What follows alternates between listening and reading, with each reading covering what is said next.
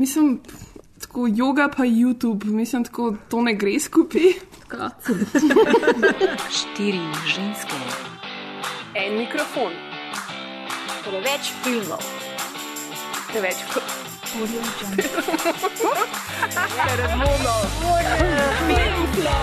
O filmu govorimo, dokler ne teče kri.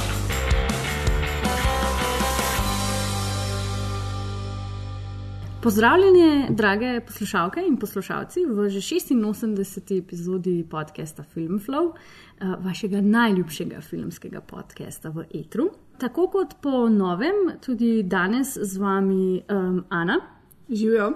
Jaz Maja, ki bom tokrat tale podcast vodila, in uh, iz zamešalne mize Maja, ki bo naznanila svoj, svojo uh, prisotnost z nekim zvočnim efektom, predvidevam.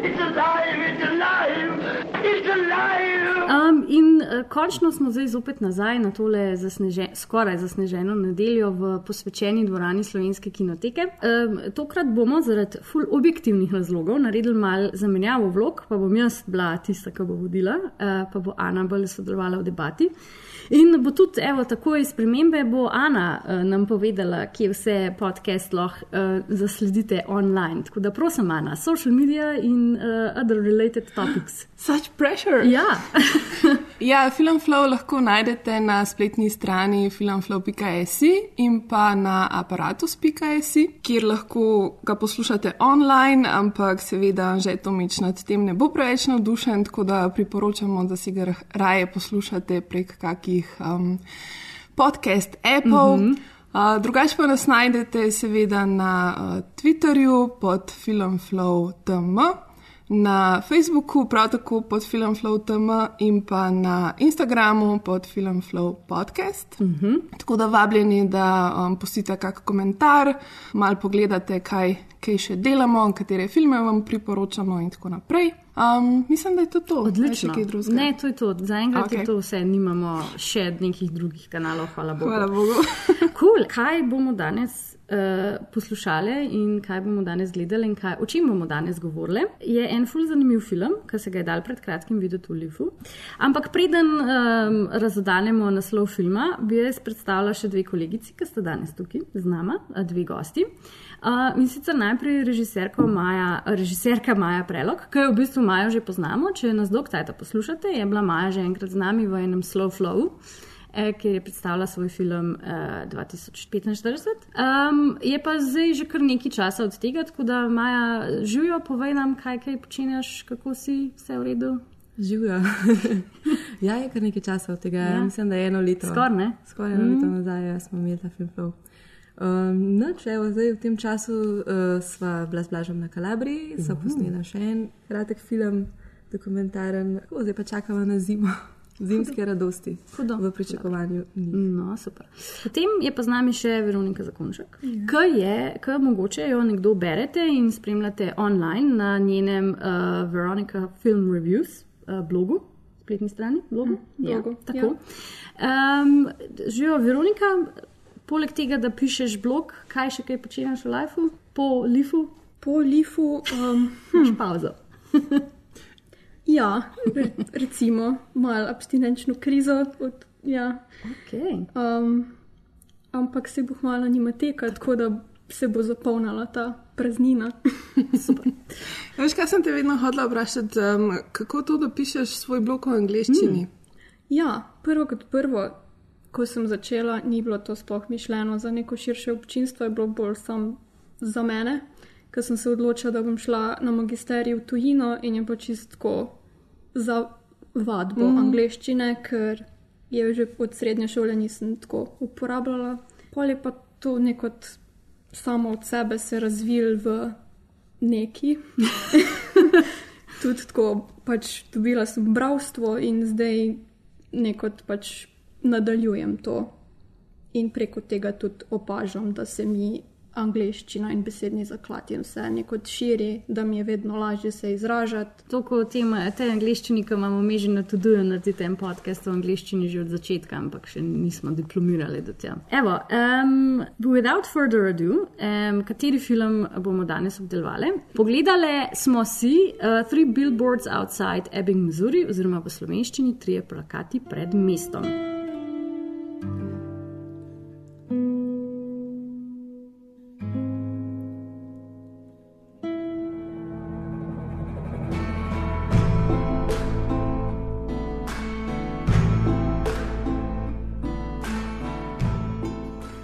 Plakati pred mestom je prišel k nam izpod taktirke irsko-britanskega dramatika in režiserja Martina McDonaga. Tisti, majhen bolj filmsko ozaveščeni, vam je mogoče poznan a, kot režiser in bruž, pa Three um, Psychopaths, ena šicu.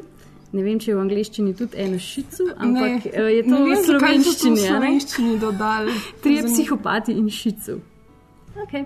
Um, tako da, mogoče, če poznate te dva filma, že veste, kakšen film nas tukaj čaka, ker um, Trije plakati pred mestom je ena taka full eksplozivna in zanimiva mešanica westerna, črne komedije.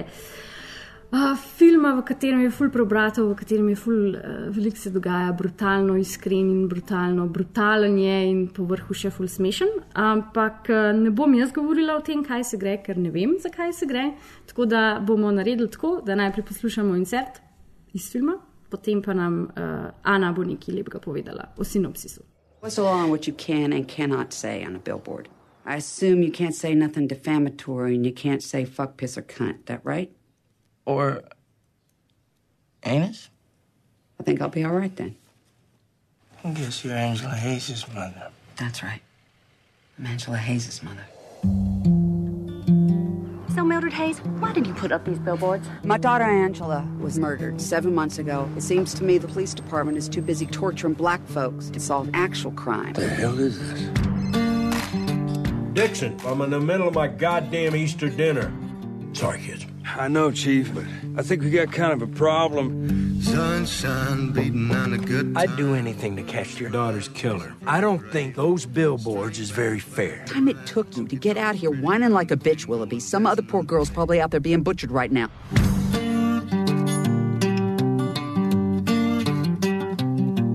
Trije plakati pred mestom je film o Mildred Hayes, a, o jezni in brezkompromisni ženski, ki se odloči, da bo nekako stvari vzela v svoje roke. A, namreč pred skoraj letom dni a, so njeno hčerko posilili in umorili. Um, ampak od takrat se še vedno nič ni zgodilo, niso najdel um, storilcev, policija se ne ukvarja s tem problemom oziroma s tem primerom. In nekako se pa ona odloči, da um, bo pred mestom, pred mestom najela tri uh, jumbo plakate, na katere bo obesla v bistvu sporočilo za policijo, oziroma sporočilo za šefa policije, gospoda Willoughbyja, in ga nekako poklicala na odgovornost, v smislu, zakaj še vedno ni nič znanega, zakaj nič ne delate. Na ta način, ko postavijo te tri plakate v tem malem ameriškem mestu, sproši nekakšno vojno med njo in uh, policisti, pa tudi um, med njo in ostalimi meščani tega mesta, ki imajo zelo radi šefa policije, gospoda Willoughbyja, ki je poleg vsega še um, ima raka, tako da vsi nekako sočustvujejo z njim, kar zadeve potem skozi film seveda še precej zakomplicira. No, in pač s postavitvijo teh treh plakatov se začne nekakšna vojna, ki ima cel kup um, preobratov, ki v bistvu režiser nas res spretno um, vodi skozi te bitke. Um, na vsakem, v bistvu, v vsaki bitki nas čakajo taki zanimivi preobrati, ki jih včasih pričakujemo, včasih uh, niti ne. Je pa to vojna, v bistvu, za katero se izkaže, da v njej um, na koncu ni ne junakov, um, pa ne tudi tistih pravih sovražnikov. Mm. Less in my sense catches up with me. pol pa, sodeč po scenariju, pa potem, kar je ta prva zanimiva stvar v tem filmu, bi začela pri um, scenariju. Pa to sem tudi jaz nekje v um, enem članku, ki nam, nam jih je Ana poslala, prebrala. Da si je režiser v bistvu to zgodbo zamislil tako malo na podlagi ene take lastne izkušnje, ko se je pač tudi on vozil nekje po Ameriki in videl three billboards outside, oziroma nekaj billboardov zunaj. Um, I guess da s nekim podobnim sporočilom, oziroma z neko podobno tematiko. Če se jaz prav spomnim, v Ameriki so full popularni oni billboardi, Have you seen my child missing since the 70s in tako naprej. Tako da jaz sem si full predstavljala, da je kaj takega videl. In potem se je nekako v njegovi glavi začela plesta neka zgodba kako bi uh, lahko on pofilmal um, neko mati, ki se sooča z smrtjo svojih črke, pa s temi billboardi. In si je zamislil in scenarij in ga napisal, in potem posnel tudi film po tem scenariju. Kako ste vi vedle? Videle ta scenarij, ali je bilo opazno, da je imel režiser neki v glavi eno zgodbo, en cilj, eno temo, eno, eno sporočilo v končni fazi, ki ga hoče sporočiti kako se vam je zdel scenarij? Ja, mislim, tako kot si zdaj rekla, ne, on je imel dve ideji. Mm -hmm. In sicer prva je bila ta, da je videl ta dva plakata in ta, v bistvu, ta prizor mu nikoli ni šel iz glave. Druga stvar je bila pa ta, da prej si omenila, da je on posnel že dva filma, pač Morilca na kolekcijo na kolektivca. Super prevod in druž, to je res en izmed najboljših prevodov. Pa sedem psihopatov, to sta dva filma, ki imata izrazito pač moški igralski ansambl, ki nimata nobenih. V bistvu um, večjih ženskih vlog, in tudi zato se je odločil, da naslednji film, za naslednji film bo delal eno res močno žensko vlogo. In potem pač ti dve ideji, ti dve ideji um, tako je tudi nekako rekel v enem intervjuju, sta potem um, bile osnova za scenarij, ki se je, ko je imel ta dva elementa, um, tako je pač rekel tudi sam, praktično napisal sam. Hmm. Um, pač kar je zanimivo, mislim, je to, da on je res. Uh, Je pisatelj, je scenarist, oziroma je dramatik, dramatik tudi. Ja um, piše tudi uh, dramske igre, tako da je v bistvu tudi um, pisanje scenarija, bi lahko rekel, nekakšna njegova uh, zelo močna um, točka. In kot res vem, je tudi ta scenarij napisal specifično za igralce, s katerimi je pol delal. In to nekako v ene par intervjujih govori, da, ne, da je nekako v bistvu že ko je pisal, da je slišal njihove glasove, kako bodo dejansko tudi govorili te besede. Kar se mi zdi, da je za ta film pač v končni fazi zelo pomembno, ampak mogoče se tudi lahko o tem malo kasneje pri igravcih um, pogovarjamo. Um, recimo, moj oče ne, um, mi ni verjel, da tega scenarija ni pisal tudi uh, Joel Cohen, ne od uh, Francis mm -hmm. McDormand, McDormand mož.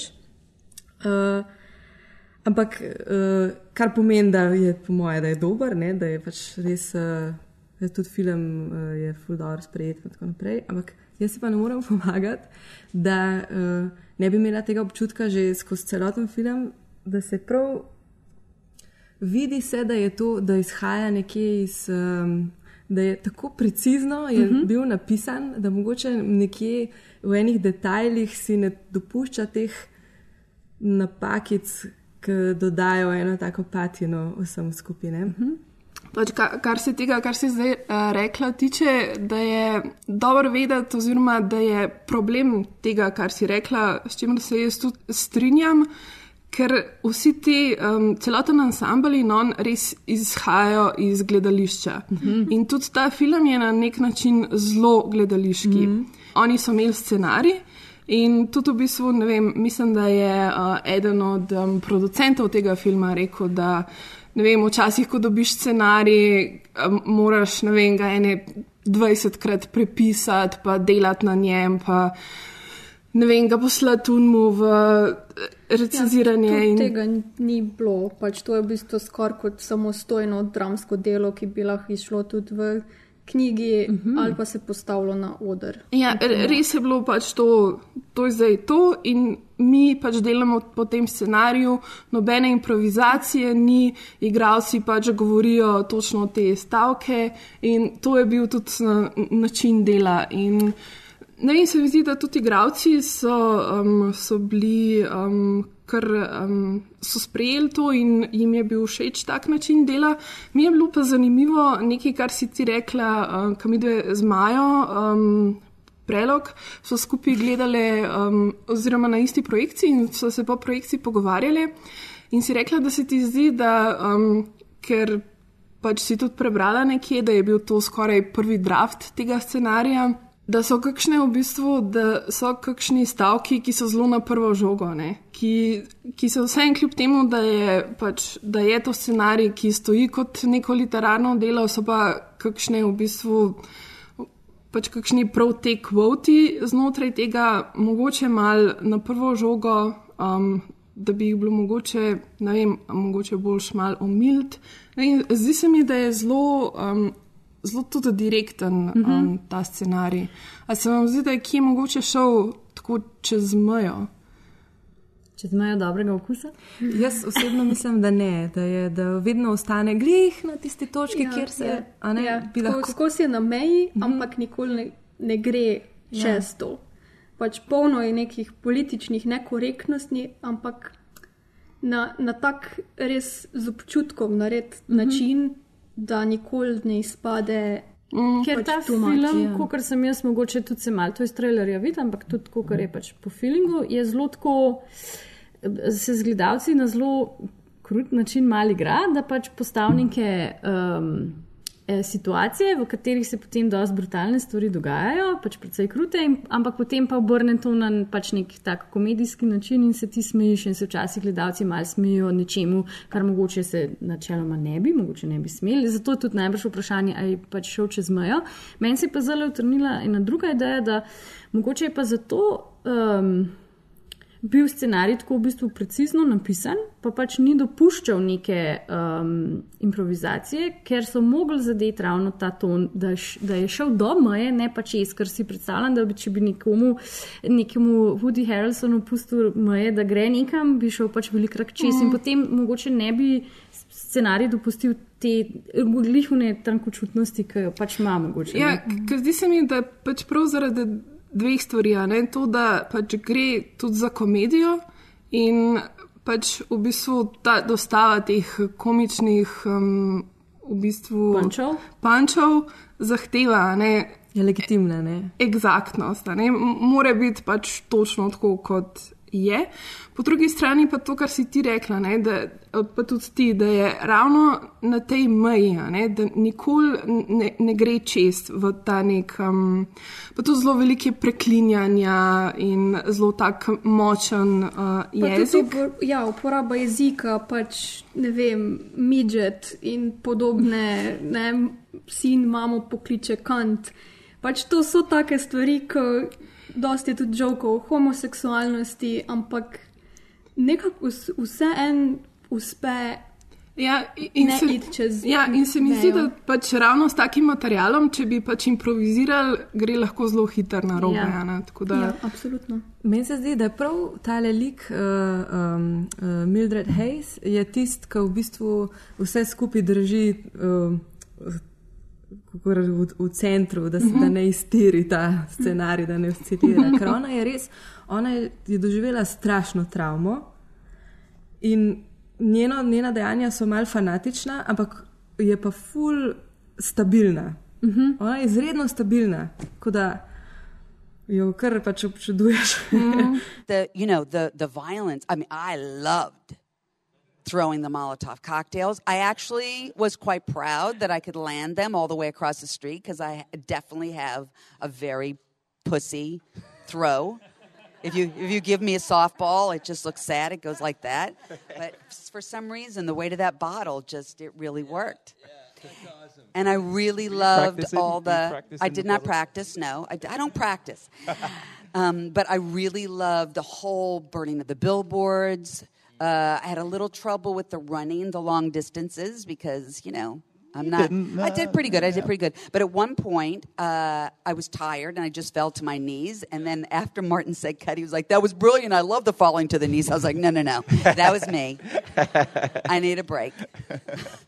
Kako pomemben se vam zdi, recimo, da je bil ta film na ta način skestan, pa na ta način napisan, pa da je pač napisan na način, da pač je ona v sredini, pa ona drži celo zgodbo gor in da so pač okrog njej ti neki um, bizarni, drugačni liki. A vam je. Um, je to en tak nov vem, arhetip ženskih likov, ali je kaj novega v tem? Zdi se mi, da res ta film pač temelji na igravcih. Ne? Tukaj pač zgodba tudi izhaja iz igralcev. Igravci so tisti, ki, um, zaradi katerih pač ta zgodba tudi obstaja. Um, in se mi zdi tukaj res um, pač zelo pomembno.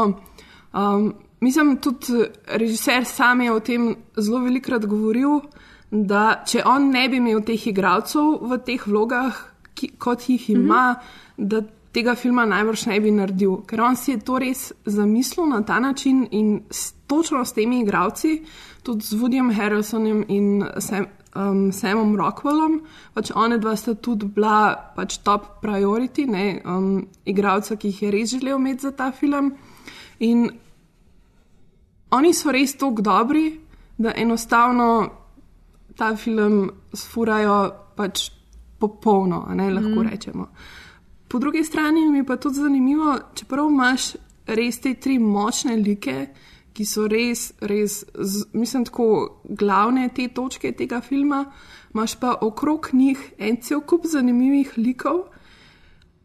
In tudi, če imajo samo eno sceno, je ta scena tudi tako je odlično napisana, vsak dobi eno res um, hudo stvar za povedati, um, hudo sceno mhm. in enostavno res opaziš, vsi v filmu izstopajo ne, na nek način in se mi ja. pač res delujejo kot ansambl in se mi to zdi zelo, zelo fajn.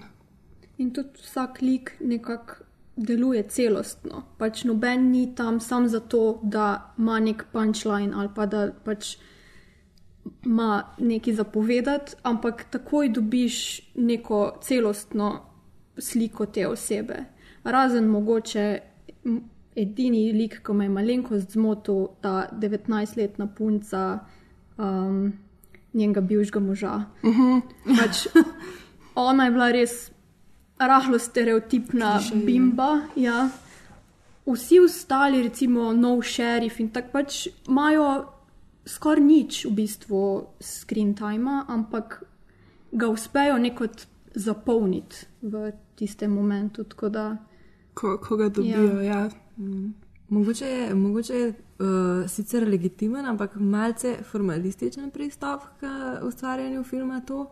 Uh, ampak se mi zdi edina možna varianta, da je dobil, mogoče, ne vem, mogoče se mu tam, ampak tako pač financiranje in tako vse, da je, pač, uh, da je film uh, tudi uh, gledljiv za širše množice in tako. Ker uh, s temi liki, pač res dodelanimi, ne, je v bistvu se mi zdi, no, imam tako občutek, da je hotel, da je da je vedno, da je pri, da pricrlja na površje pač pa tisto bistvo teme, tiste problemi, ki se v družbi ameriški vlečajo mm -hmm. že od leta 1950. ja. Kakšno je pa, kakšen lik je pa Mildred, Mildred Hayes? Um, sem že povedala, kakšna se mi zdi, mislim, da je carska, uh mhm. -huh. ampak eh, spominja me na, čeprav sta filma različna, ampak spominja me na. Um, to iz filma Pošast, um, ki je igrala Charlize Theron. Mm -hmm. A ne? Mogoče. Aha. Samo ona je res, tisto, tisto je res psihotično. Aha. Ne, fanatik, uh, Mildred Hayes je pa pač stabilen lik, ker je tle ta črna komedija in tako in pač ta. tak, uh, Zanimiv. Ker mm. pač, uh, kaj, kaj že šalin? Še šarli ste rojeni. Ne, šarli ste rojeni, kako je miliku. Um, si ne važen, pač ja. ona tudi um, vzame pravico v svoje roko, ampak uh, na mal drugačen način. Ja. Ok. Ana, kakšen se pa tebi zdi? Ja, mislim, meni je bilo res všeč to, da ko se ona odloči to, da bo šla zdaj v to stvar, ki jo naredi, mm -hmm. ko se odloči za to vojno, je pač tisoč procentov dedicated to that cause. In enostavno um, se ne ozira za pač posledice, posledicami svojih dejanj zelo dolg časa, čeprav se v bistvu nas film pol nekako mečkon. V bistvu pač na začetku deja, definitivno držimo z njo, ne? smo na njeni strani, ampak potem nas film pelje take smeri, smeri da začnemo pač kot gledalci dvomiti v njena dejanja. Ampak meni je bilo super, ker v bistvu šel, jaz sem dvakrat gledala ta film in šele v ta drugo, ko sem ga gledala, sem opazila to, to prvo sceno, ko se ona pripelje v avtu in vidi te plakate um, da je v bistvu druga, da ima drugačno frizuro, da je drugače oblečena, ker v bistvu skozi cel film je pol ona. Pač ima uniformo. Ma uniformo. Ima vojno in ima uh -huh. uniformo. Tako kot ima vojak uniformo, se ona obleče, spremeni frizuro uh -huh. in ima pač res ta badass look.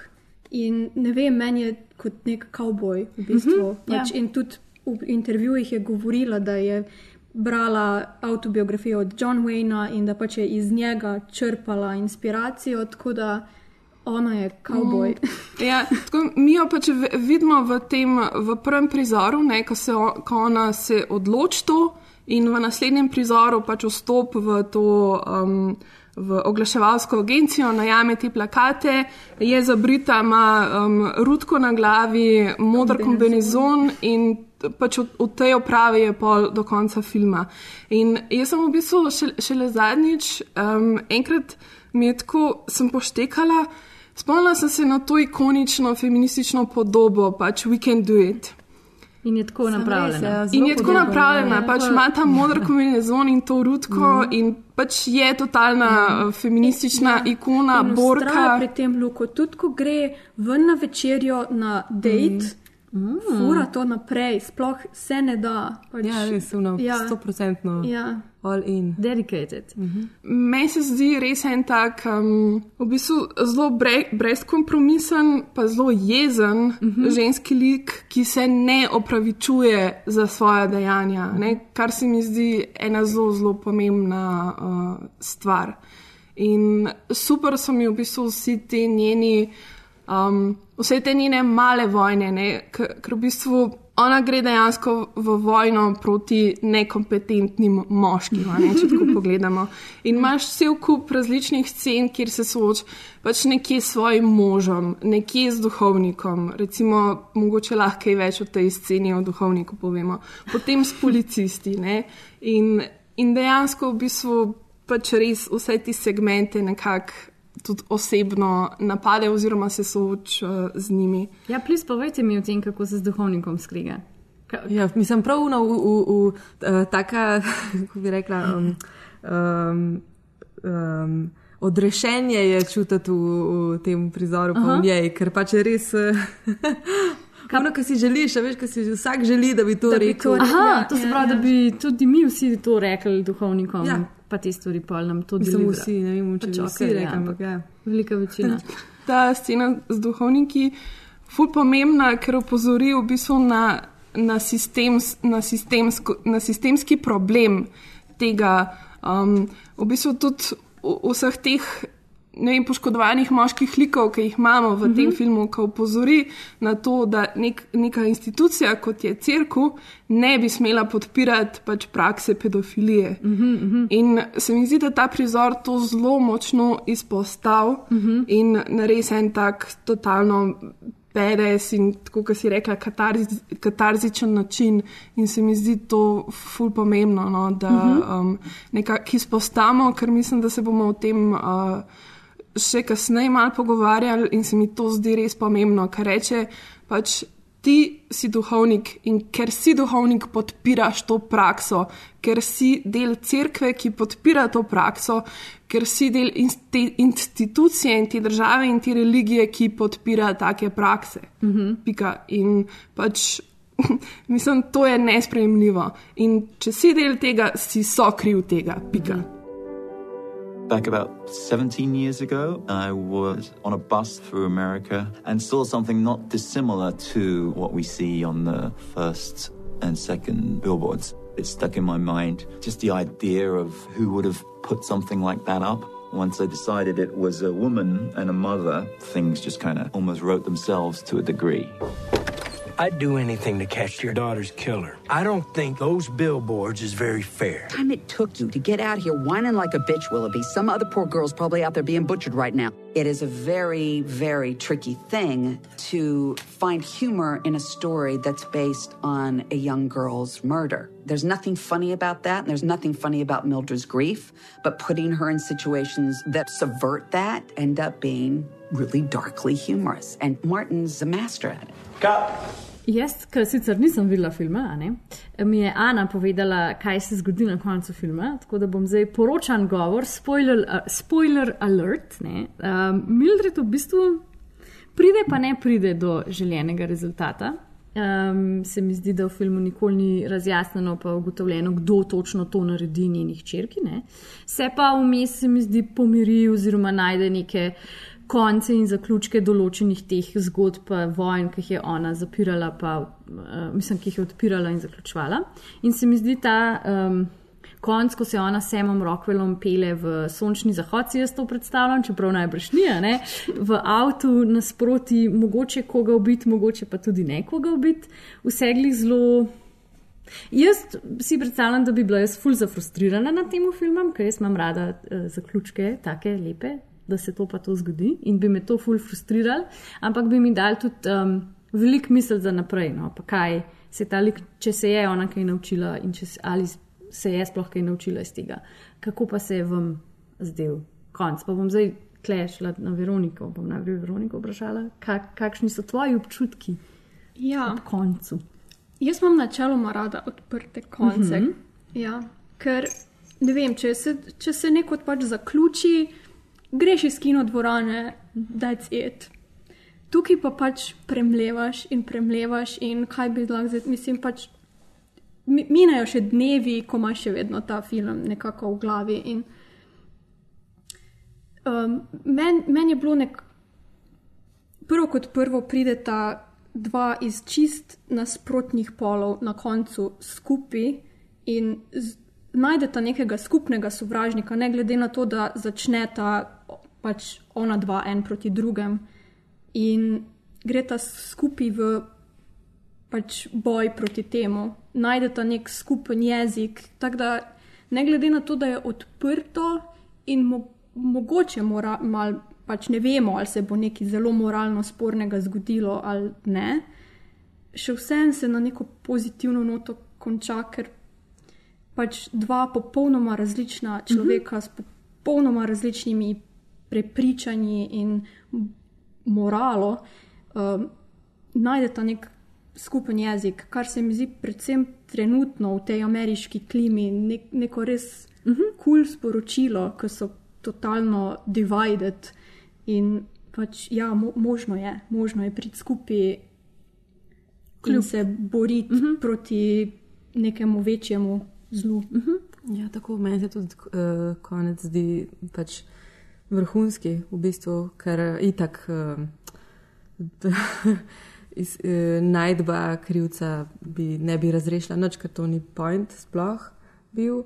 Ampak točno to, kar si rekla, ja, v bistvu um, na začetku so vsi stoji vsak zase, na koncu pa v bistvu se in liki in zgodba nekako spoji uh -huh. in to ta United we stand, ne, pač uh. Tako da, Ja, meni je tudi všeč ta namig, da um, mogoče vse vemo več eno drugemu, kot smo pripravljeni si priznati, oziroma da mogoče je problem v tem, da ne komuniciramo med sabo, ker pač na koncu je res ta lep, lepa scena, ko v bistvu na koncu imamo pač v avtu, uh, ki mogoče Sema Rockwella še nismo dovolj Mhm, predstavili, tako da si Kaj- kaj poslušalci je mislim, da zdaj ne ja. predstavljajo glih dobro um, kdo sta ona dva. V bistvu na koncu se v, v avtu znajdeta Mildred Hayes in pa eden od najbolj ogabnih likov tega filma, bi lahko rekel, v bistvu nek res rasističen, nasilen, uh, neumen policist, s katerim res težko kakorkoli sočustvuješ, ampak te mogoče v bistvu režiser vsem mečkan priprav do tega, da ga poskušaš tudi razumeti. In v bistvu na koncu vmes se pač tudi zgodi neka ta epizoda, ko Mildred v nekem navalu jeze zažge policijsko postajo in pač po nesreči zraven tudi tega policista. Ne? In ko se peljete v tem um, avtu na koncu, ne Mildred v bistvu reče, hej, tako nekaj ti moram priznati, ne? v bistvu sem jaz kriva za to, da si ti bil tok in tok časa v bolnišnici in da si zdaj vas opečen. In je on pač reče samo nazaj, ja sej, kdo drug bi pa sploh lahko bil, ne, valjda, da sem vedel, da si ti, it's ok, ne, mislim pač razumem, pač, da sem bil jaz kreten, pač mogoče sem si to tudi, mislim, to se bo zdaj tako slišal mal neumno, ampak zaslužil, ne, mislim, pač je to nek del mojega redempšna na nek način. In nekako v bistvu Mildred se samo tako zasmeji in potem pač nekaj se zgodi, na neki ravni se one dva zdaj pač razumeta, mm -hmm. pač sprejmeta en drugega, pač taka, kar sta, ne? z vsemi napakami, z vsemi pač slabimi stvarmi. Mm -hmm. In to se mi tu zdi tako, no, precej um, pomembno. I'd do anything to catch the guy who did it, Mrs. Hayes, but when the DNA don't match no one who's ever been arrested, and when the DNA don't match any other crime nationwide, and when there wasn't a single eyewitness from the time she left your house to the time we found her, well, right now, there ain't too much more we can do. Could pull blood from every man and boy in this town over the age of eight. Their civil rights laws prevents that, Mrs. Hayes. And what if he was just passing through town? Pull blood from every man in the country then. And what if he was just passing through the country? If it was me, I'd start up a database. Every male baby was born, stick 'em on it. And as soon as he'd done something wrong, cross reference it, make 100% certain it was a correct match, then kill him. Yeah, well, there's definitely civil rights laws prevents that. Seveda ni na ključe, da, si, da si Ana, oziroma da smo si mi dve za eno ta film zbrali za podcast, um, ker se nam je zdel, da ponuja veliko istočnic za eno pač širšo debato o parih um, zelo zanimivih pa aktualnih temah. Pa bi se jaz mogoče za prvo eh, točko nekako osredotočila na to nevrjetno slovensko besedno zvezo državljanska nepokorščina, ker se mi zdi tako taka iz 19. stoletja besedna zveza. Civil disobedience mi je mal bolj, mal bolj udarna kot državljanska nepokorščina. Pa mi je mogoče ena taka zanimiva istočnica, en kratek citat iz. Um, Kataloga uh, letošnjega Lifa, ki um, je zapisal v tem filmu um, recimo tole. Uh, da je zanimivo pravčevati idejo, kaj se zgodi, ko upanja morda ni več, vendar se odločiš, da boš burkal gladino, dokler upanje ne uskine, vznikne. Uskine, vznikne. Zaradi tega ta film preveva drugačno ozračje od večine kriminalk, ker obstaja seveda večno vprašanje, kaj če ta zločin nima rešitve. Ne, ker se v bistvu Mildred odloči, da ima ona dovolj tega nekega čakanja na sistem, da bo ji sistem dal pravico in vzame zelo tako, kot nam Marvel pa DC movie veliko krat zadnje čase sporočajo, uh, vigilante justice si vzame pravico malo v svoje roke. Pač zasleduje mogoče tudi neko logiko eye for an eye, tooth for a tooth, ta situacija. Pa me zdaj zanima, uh, v duhu tega civil disobedience, a se vam zdi, da gre predaleč, ali da ne gre dovolj daleč, da ima point v 21. stoletju se še ukvarjati z neko, um, ukvarjati, udejstovati na ta način, probati na ta način doseči neko spremembo, ali je v bistvu to zdaj že spet nazaj, edini način, da z neko res nepokorščino dosežemo karkoli, ker zdaj živimo v, v svetu hashtaga. Pa social media, civil disobedience, ki se meni osebno zdi, da nima nekega realno političnega učinka. Kakšen je vaš pogled zdaj na civil disobedience? Meni je bila všeč, zelo všeč pač ena stvar. Mislim sicer, ti si rekla, da je mogoče to za Ameriko bolj značilno, ampak pri nas jaz nisem še ničesar tazga uh, zasledila in se mi zdi v bistvu ena tako zelo tak zabaven, uh, zabavna kritika, mogoče tudi oglaševanja. Ne? Ker ona si v bistvu izbere, pač, da bo um, naslovila neke um, družbene probleme preko oglaševalske industrije. Mm -hmm. Ker v bistvu je to en zelo, se ne vem, ali iz tega filma, iz kakšnega drugega filma, da če oglaševanje, odvetniki in kaj policija več ne deluje, oziroma ne vem, kje ti tri segmenti so že omenjeni. Sodstvo, policija in ne vem kaj. Ne vem. Ne, ne, ne. Ok, ne, ne bom. Ne bom. Mislim, ful se mi zdi zabavno, no, ker um, v bistvu izrab neki um, pač česar mi v družbi, mislim, česar res ne maramo. Ne. Mislim, marketing je tako res kriv, pa v bistvu mediji za, za marsikatero pač. Podobo. Um, recimo, ravno Maja mi je zadnjič govorila, kako so v bistvu um, smo vsi freaked out glede um, v bistvu beguncov, azilantov, um, tujcev v Sloveniji, pa jih je v bistvu tako za nič cela, nič, nič, nič, nič, dva procenta, mm -hmm. ampak vsi mislimo, da nam bojo zdaj vzeli vse službe, pa pač praktično prevzeli državo. Ne. In se mi zdi, da je, da je ona našla, mislim, da si vzame pač v bistvu to oglaševanje medije in to um, nekako na svojo stran. Sicer se pol nekje vmes filma, ne v bistvu mediji tudi zelo, uh, ko v bistvu nekako se ji vrne to, ne? ker v bistvu, ko šef policije umre, nekako začnejo njo kriviti ne, za njegovo smrt in se ji v bistvu vrne nazaj. Ampak vse mi je zanimiva no, ta ideja.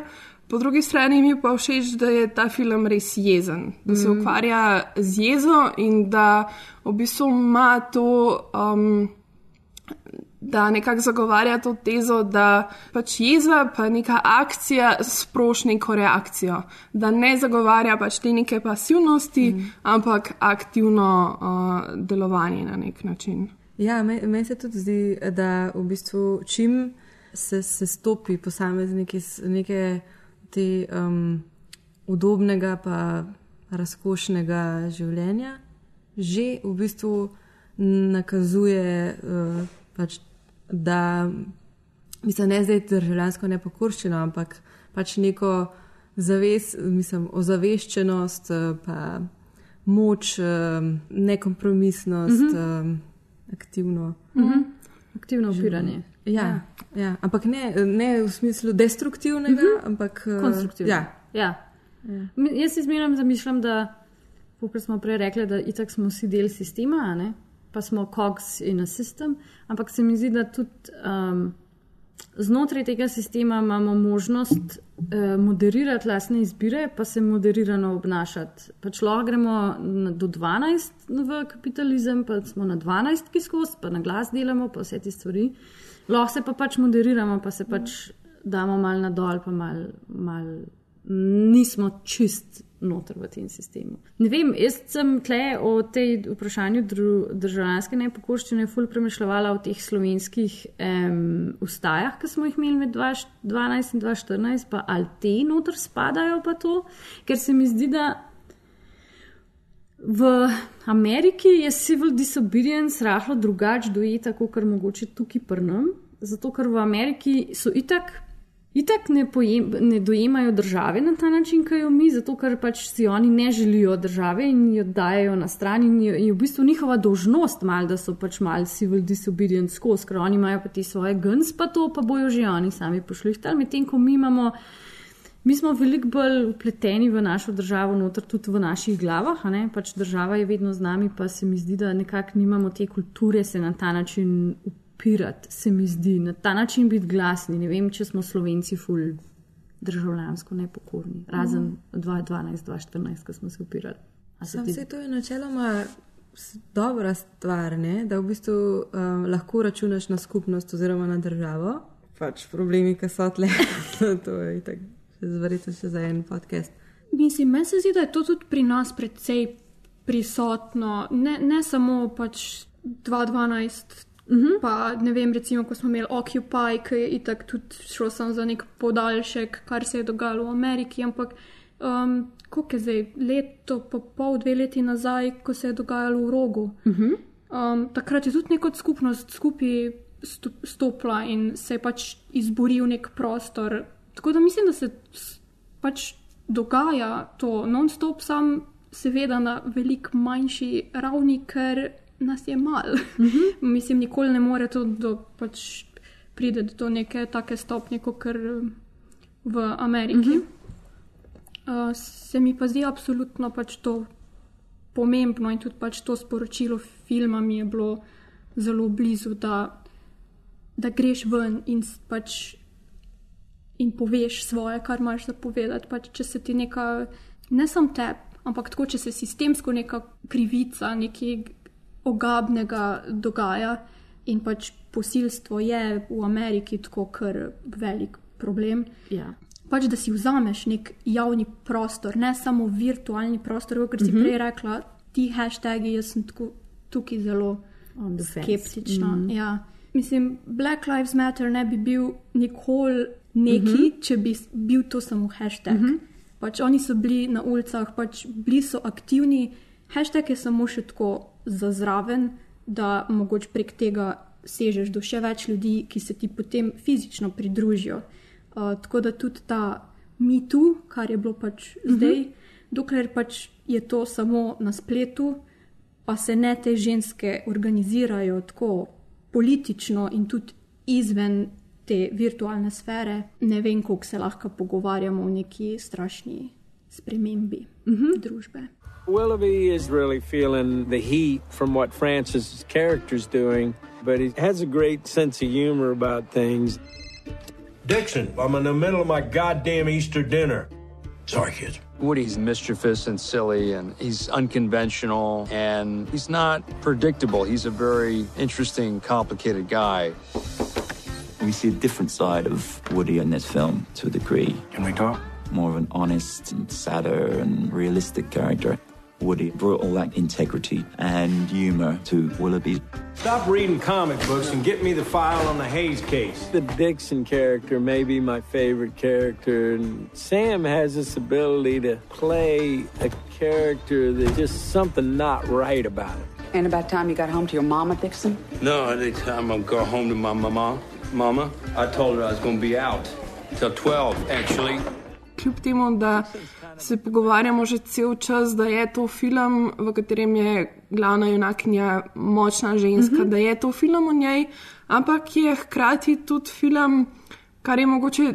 Tudi, mislim, za tega režiserja značilno, a ne? mislim, on ima tudi vedno neke te zelo zanimive moške like. Mhm. Mm -hmm. In se mi zdi, da v tem filmu nekako res naredi en tak pregled te pač. Patriarhalna kultura gone wrong. In, in, se nekako res ustavil skoraj pri vseh teh ključnih segmentih, ki jih povezujemo uh, z neko um, pač moškostjo. Ne? Pač loce policije, loce duhovnikov, loce vojske, um, Medijev v končni fazi. gasilcev um, in tako naprej. Mogoče ne bi to rekla gone wrong, ampak sam izrojena.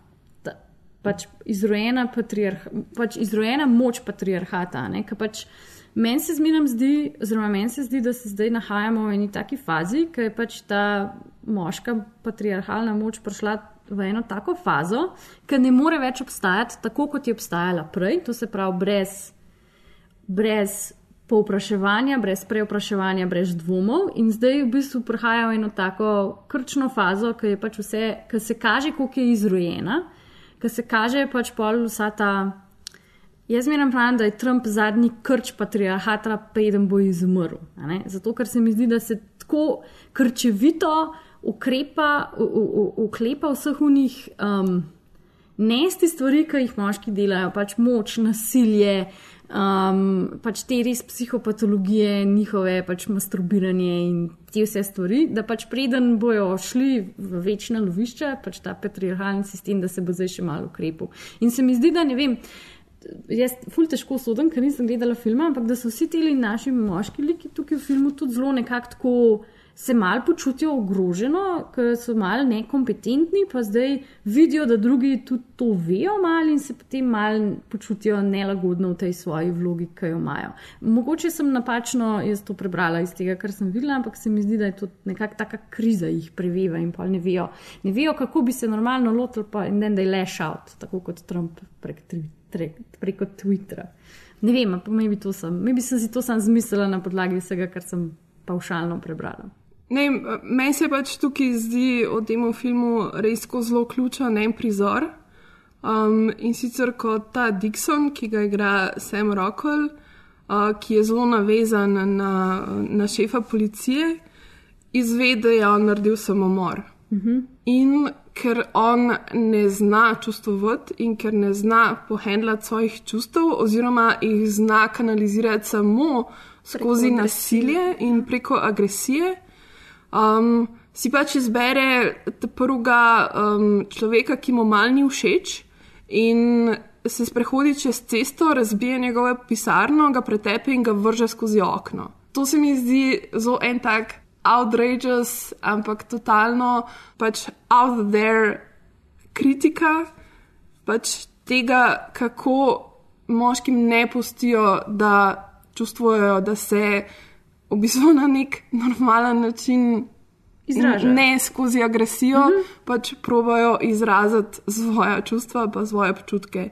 In zdi se mi, da je to še vedno ful, ful velik problem, mm -hmm. ker se, mislim, ker itak tukaj tudi um, pač v enem podkastu, ki sem ga pred kratkim poslušala, kjer so tudi govorili o vseh teh stvarih in je bila gostja tudi Bell Hooks, pač ta znana. Um, Teoretičarka, ki se je veliko ukvarjala uh, s to temo, in ona res poudarja um, v bistvu pač vzgojo, ne, kako mi vzgajamo, in da se more to pač najprej to spremeniti.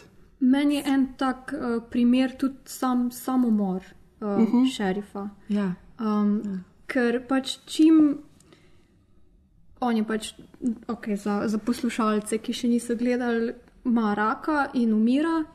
In na mestu, da bi pač šel čez te zadnje mesece, kjer bi pač nek tak ego trip kot je, um, prvič pokazal neko šibkost, se pač rajš odloči za samomor, da vsej po njegovih standardih pač umre kot moški, mm -hmm. ne pa da počasi umira, medtem ko pač ga žena oskrbuje. Kar mi je še en tak primer neke destruktivne moškosti, ki -hmm. jo družba odcepla. Vsem, pač fantom. fantom. Ja, ja, ja. Sej patriarhat ima negativen vpliv Ja, na vse, ne absolutno. samo na ženske, tudi na tipe. Sej, ja. Mislim, na njih ravno tako kot To- na ja. ja. ženske. To, pač, to se mi zdi, da se celo premalo poudarja in ta film se zelo fajn te, te teme dotakne. Mm.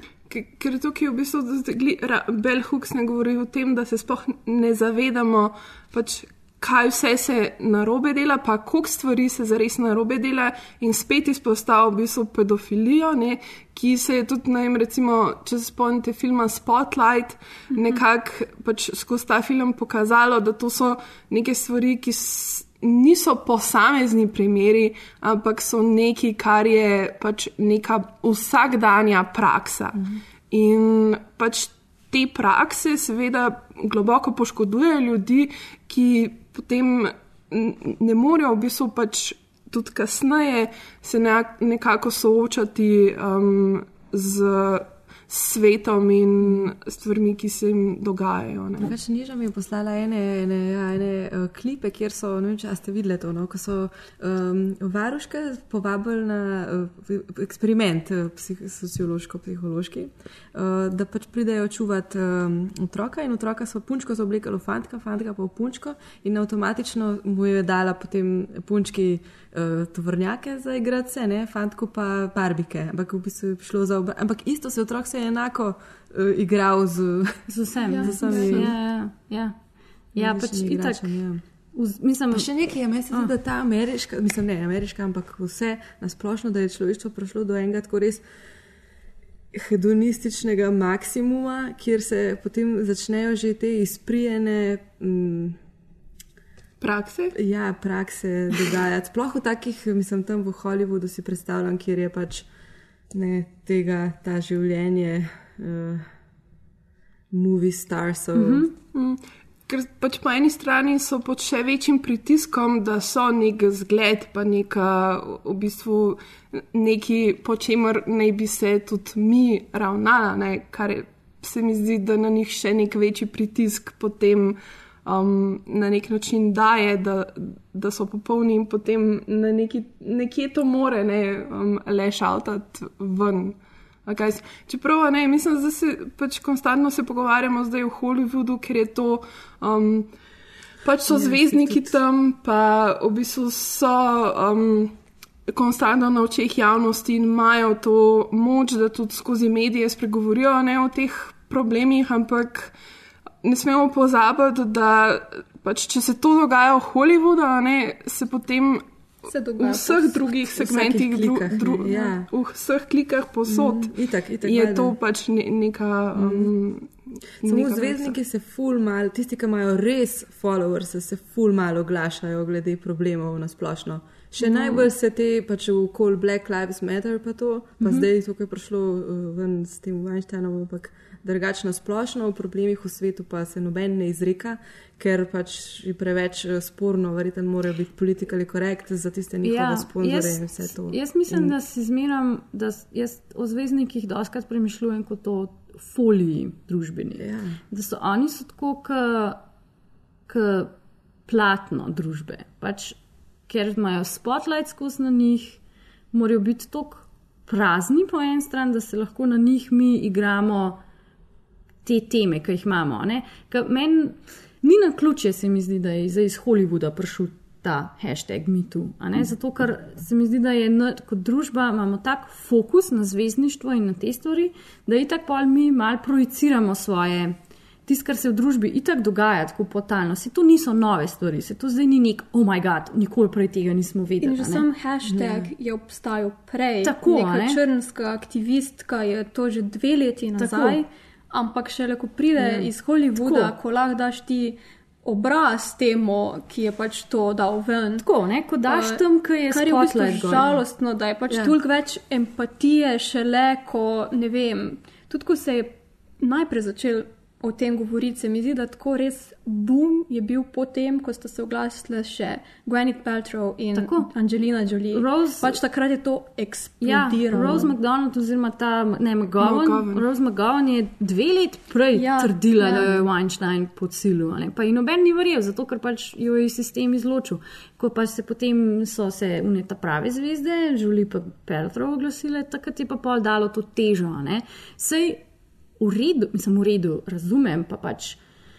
Sistem prej res to, ni omogočal, pa pač super, da ste se oglasili, pa da ste zdaj dale meriti pa težo temu, ne? in da je zdaj v bistvu mogoče to omogočilo še kakšni na obrobju, da je prišla. Ne? Pač, nažalost, do krcajta se o tem ni to tako govorilo, pa ni to bila taka teža tukaj gor, je bilo težko mm. karkoli doseči. tako da- Ja, ampak tukaj se mi zdi tudi zelo pomembno ena stvar, ki sem jo pa um, v enih izmed teh eh, Hollywood reporterjev, um, teh okroglih mizah mm. zasledila en res pomemben stavek, se mi zdi, ker tukaj se zdaj pogovarjam, zakaj te ženske niso spregovorile. Ne? V bistvu mi zdaj nekako pač pritiskamo na žrtve, da spregovorijo k, na žrtve, ki so traumatizirane zaradi teh dogodkov, ki imajo marsikaj za zgubiti, ki jih bojo še dodatno obsojali zaradi tega, um, ki bojo pač krivdo tudi na njih valili. Ne, zakaj se noben ne sprašuje o tem, zakaj pa njihovi moški kolegi, ki so delali na setih, niso opozarjali na te stvari, zakaj se oni niso boljš obnašali glede teh stvari. Ker um, v, tem, um, v eni izmed okroglih misne je kao fotor s- svoji, nekdo je govoril o tem, da je fotor svojih črki rekel, ja, da če te bo kdo nadlegoval ali pa kar kaj, moraš povedati, ne, moraš povedati. Ja. In mu je ona rekla nazaj, zakaj ti mene to učiš, zakaj raj ne učiš teh modelov, da naj ne bodo pač kreteni, ne mm. pa kripi. Pač naučite jih, da se oni v redu Absolutno. obnašajo, pa bo kul. Cool, Ja. In se mi zdi, da je treba fokus pač tudi na, na to preseliti. Uh -huh. A, ne, absolutno, zato ker pač vse to je že od vsega začetka ta Weinstein stvar spremlja tudi tipe in v bistvu se je full mal caliber A igralcev razjasnil oziroma dal nek feedback, pač to Matt Damon, pa George Clooney, s tem, da Matt Damon tudi neki dodži tam at some point male ne bo je mal šla to, zdaj to full grobo rečeno, pa to. Ampak ker po moje ne. They were complicit for so long, a ne pač vse s tem, ko so bili tiho, pa so to vedeli, so, a ne morajo mogoče tudi oni sami, sami pri sebi mal se opredeliti do tega, pa kako mm. zdaj nastopati. Mi je bilo pa pa recimo ful zanimiv, um, ko je pa Ben Affleck šel v, je bil pri Steven Colbertu, ker Justice League promocija. Ne? In potem, ok, un del, ja, Justice League, fulabr, pejte v kino, vsi ta sales push. Ne? Pa pa commercials, pa so se pa lotila te teme, ker je bil Ben Affleck tudi obtožen, da je pač no, neko, neko, eno, bejbom, eno novinarko neki to. In je v bistvu ful zanimiv. PR spin, ker to ni drugega kot PR spin. Pač njegov PR tim se je odločil, da, bo on, da bojo to tako naredili. In je v bistvu um, pač se je opravičil in rekel, da pač je bil absolutno in the wrong, pač bil je mlad, bil je neumen, ne da so to izgovori, ampak to so bile njegove okoliščine, da je pač tudi bilo wrong, da je bil tiho, tako, ker je bil tiho, ker se je to vse vedela. Ne? In potem, da, um, da se je pač zdaj zaradi tega odločil, da pač vse, ker pač tudi njegova karijera je bila pač zgrajena na Weinstein, na Miramaxu, ne? da pač bo vsta residuals, ki dobivajo predijeme še od pravic, ne? da bo pač ne bo več jih on imel, ampak bo pač dal pač charity. In to je bil en izmed pač edinih, pa prvih nekih reakcij, nekih PR stuntov moških igralcev, da so nekaj konkretnega dali od sebe. Mm. Ker pač George Clooney je rekel, da ja, je bilo slabo, pač ni bilo dobro, med Damon, ja, to je bilo slabo, ni bilo dobro. Ben Affleck pa, kakorkoli ga nimamo radi ali whatever si v njemu mislimo, je pa pač. Neki so se zmislili, like en štik so si zmislili in so zdaj neki naredili. Ne? Pač, ker se iz reka se morajo malo potegniti. Pač, če bo zdaj iz tega malo kaj dobrega rata, se mi zdi, da je to mogoče en zanimiv. Ja, ker pač mislim, iz slabega lahko ratajo dobre stvari. Ja. In pač se mi zdi tudi o tem film govori, da tudi pač o slabih stvarih lahko najdeš upanje in se potem na neki točki premakneš naprej. Ja, Tako da. Ja to, to je nekaj, mislim, pač debata se je odprla, začeli smo mogoče res na mal drugačen način o teh stvarih razmišljati, govoriti, oziroma nekako moramo še najti neko pot, kako se sploh zdaj s tem uh mhm. -huh. soočati in kako bomo to naprej forali. In upam, da se bo kaj spremenilo. Tudi jaz. Uh mhm. -huh.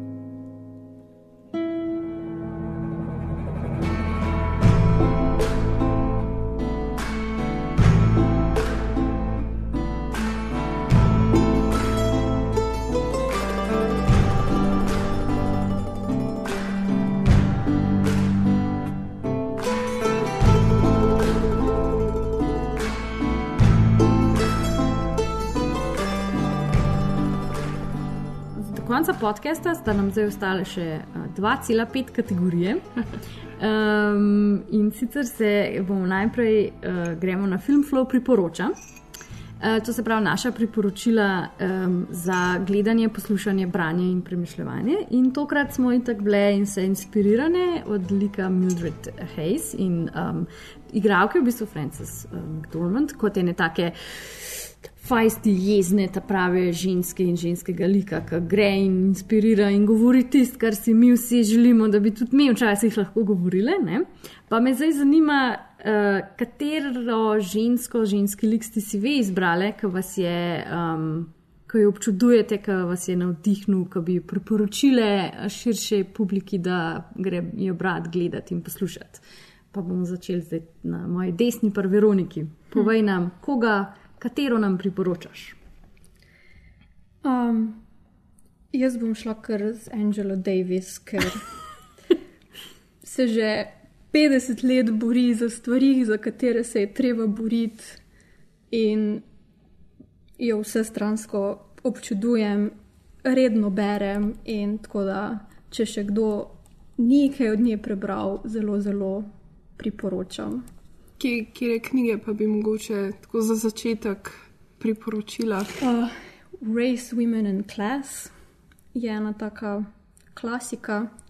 Um, pa naj, ta leta zadnja je pa Freedom is a Constant Struggle, uh, ki nekot um, primerja situacijo um, Ferguson v Ameriki. Um, Izrael, Palestina in apartheid v Južnoafriški republiki, pač kako je v bistvu vse connected.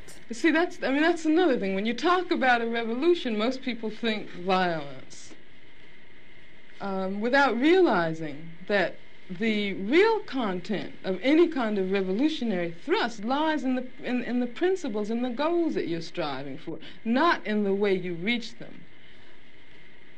Velik za brat, Maja, a nam boš ti kaj filmskega priporočila? Ne, O, v tudi bistvu ne. ne, Mm. tudi ne. Uh, jaz sem pa v bistvu izredno zadnje čase uh, mi je v srcu poje mm. -hmm. Esma Redžepova. Mm. Ker, uh, ker uh, se mi zdi, je bila tudi ena izmed uh, prvih, ki je stopila, mislim, prvih uh, izven te svoje cone obdobja. In je se izpostavila z romskim jezikom, pela na nacionalni televiziji, pač postala zvezda, priznana mednarodno. Kar se mi pa zdi izjemno pri njej, je pa to, da je, um, mislim, da je posvojila 47 otrok um, in ponudila pač uh, življenje, šolanje. In to se mi zdi v današnjem času, kjer je toliko sirot, uh, prihaja iz, uh, izpod ekvatorja proti nam, pomembno. Mhm. In uh, Ja. tudi zelo. Uh, ne samo širokega srca, tudi širokega duha. Drugače pa nasplošno ženske, mislim, pa je so ženske pravzaprav krive, da se je začel film delati, se, da se je začel film razmišljati, kot se ga je potem razmišljal na, naprej od leta 1895. A res? Ker so one delale v laboratorijih, ker so se razvijali filmi in to, in so prve v bistvu začele razmišljati o njih kot o, um, kot o sosledju slik, ki sporočajo z neki, sporočajo. Tako wow. da v bistvu so ženske krive za to, da film sploh obstaja.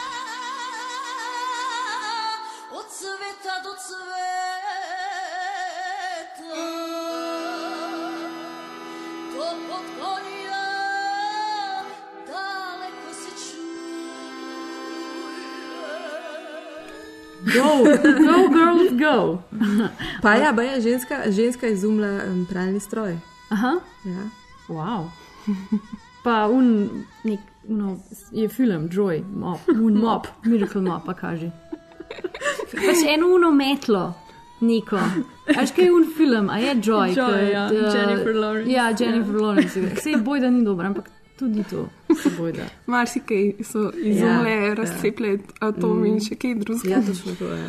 Um, okay, Ana? Ja, jaz imam pa v bistvu ena, ki je semi povezana s filmom, pa mogoče tudi um, pač mi je všeč, da um, s- ženske najdejo zase prostor za delati tisto, kar želijo delati, pa tisto, pač v kar verjamejo. In sicer sem si izbrala uh, Ka- Karino Longworth. Ona je filmska kritičarka, filmska zgodovinar, zgodovinarica. Zgodovinarka, zgodovinarica. oh moj bog. Uh, it's early, but not, not that early. I need more coffee. Filmska zgodovinarka, predavateljica uh, in pisateljica. Je pa tudi, uh, se pravi, zelo veliko se ukvarja s filmom v svojem profesionalnem uh, življenju.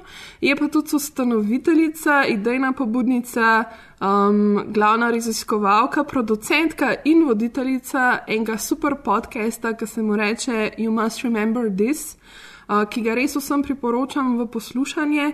Uh, ta podcast v bistvu odkriva um, skrite in pozabljene zgodovino, skrito in pozabljeno zgodovino Hollywooda v 20 letih.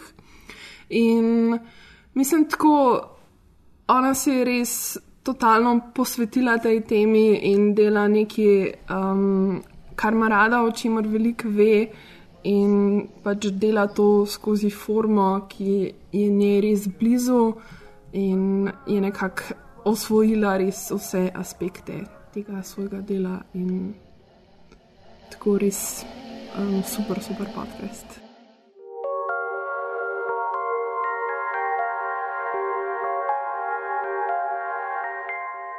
Welcome to another episode of You Must Remember This, the podcast dedicated to exploring the secrets and or forgotten histories of Hollywood's first century, part of the Panoply Network. I'm your host, Karina Longworth, and this is another installment in our ongoing series, Bela and Boris. Dobro, imaš ti? Angela Davis, jaz moram že pa pa. Karina Longwood. Jaz bom pa postregla z Valesko Gert. Valeska Gert je bila nemška um, plesalka, kabaretistka, šansonjerka, igralka in whatever, vse. In nihče za njo ne ve, čeprav je bila ona tista, ki je v bistvu v Nemčiji, v Berlinu začela s kabarejem, s šansoni, s temi stvarmi. In predvsem nihče za njo ne ve, zato ker se je to dogajalo v začetku 20. stoletja, 20-30 leta. Ona je bila judinja in potem, ko je enkrat prišel naci režim, jo, so jo izrezali iz zgodovine. In jaz sem jo pa spoznala letos na mestu žensk, ker sta dve performerki iz um, Mačarske imele v Narodni galeriji performance, Valeska Gert, in sta v bistvu re, re, um, uprizarjali njena dela. In smo šli zgodovinsko skozi pač to, kar je ona delala, ampak potem in je bil super performance in pač amazing, nevrjetno. In pa sem si šla pogledati originale, ki so pač še bolj neverjetni, ker je bila ta gospa oziroma ta ženska v 20 letih prejšnjega stoletja tako out there, pa tako napredna, pa tako liberalna, kot kar marsikdo danes še ni. In ona je bila do konca svojega življenja, umrla je leta 1978, do konca svojega življenja je bila loud and feisty and obnoxious in ni se pustila jebati v glavo in je bila metro pa piškot energije in pač vsega tega. In se mi zdi ful škoda, da se je, so jo zbrisali iz zgodovine, in, ampak sem pa po svoje tudi zdaj srečna, da sem jo na ta način lahko odkrila, ker jo zdaj nazaj pišejo v kanon. Tako da Valeska Gert, če si date v YouTube, bo uh, ful, ful zanimive stvari bojo vam prišle, ker je bila res nora. Im Schall und Rauch mimt die dadaistische Tänzerin Valeska Gerd die Frau im Taumel des Lasters. Evo, pa smo pri kolovlatorju skoraj do konca. Um, zadnja kategorica, ki nas čaka, je Film Flow Act Up. In uh, nepresenetljivo, ker smo jo začeli to kategorijo šele v prejšnjem podkastu, nažalost iz prejšnjega dela nismo dobili nobene, nobenega feedbacka, nobenega odgovora. Prejšnjič sem jaz postavila vprašanje, katera je una problematika zadeva v svetu, za katero bi se pač splačal uh, act up, oziroma za katero se splača zaboriti, um, kater išil, kater kos. Um, Si zasluži več pozornosti, ampak, um, dragi poslušalci in poslušalke, vam dam benefit of the doubt, da ste bili še sramežljivi, pa še niste vedeli točno, kaj jaz želim od vas. Ne? Ker na tem mestu bi jaz pač prebrala nekaj utrinkov oziroma vaših komentarjev iz um, iz preteklega meseca, ki nam bi jih postili. Tako da vam dajem zdaj še enkrat priložnost, oziroma novo priložnost, mi sporočiti. Um, sledečo stvar. Um, in sicer, glede na to, da se relativno cel podcast že pogovarjamo o ženskih likih in, in civil disobedience in tistih ženskah, mogoče, ki smo jih.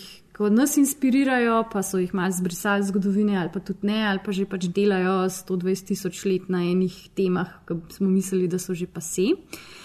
Bi pa jaz zdaj šla mal um, nazaj v to privatno, je politično, ker na to se jim zdi, ful pozabljamo le, um, v tem obdobju.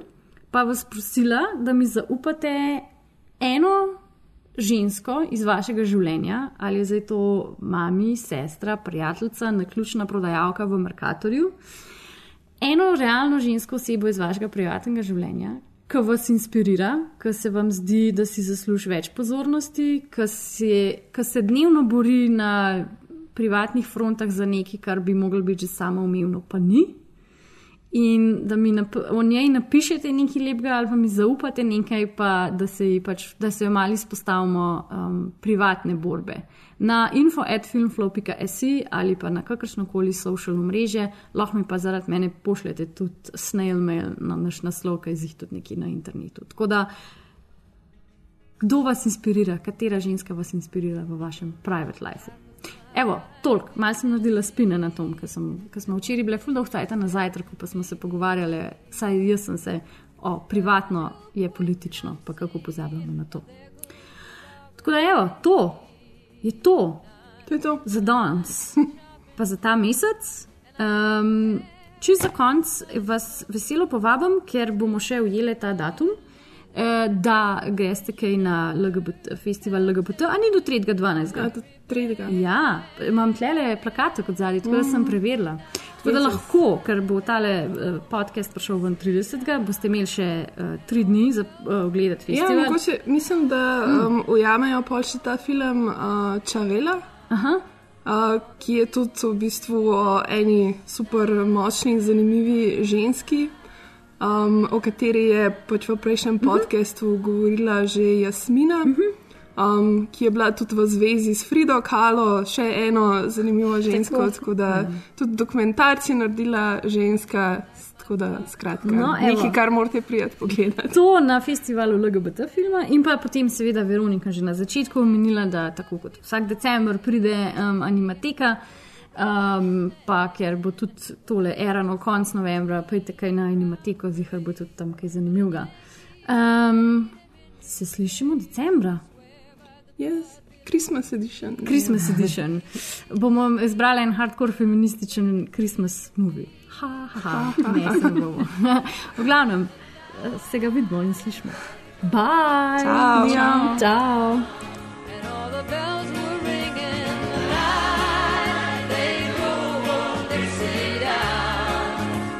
the people were singing, they went.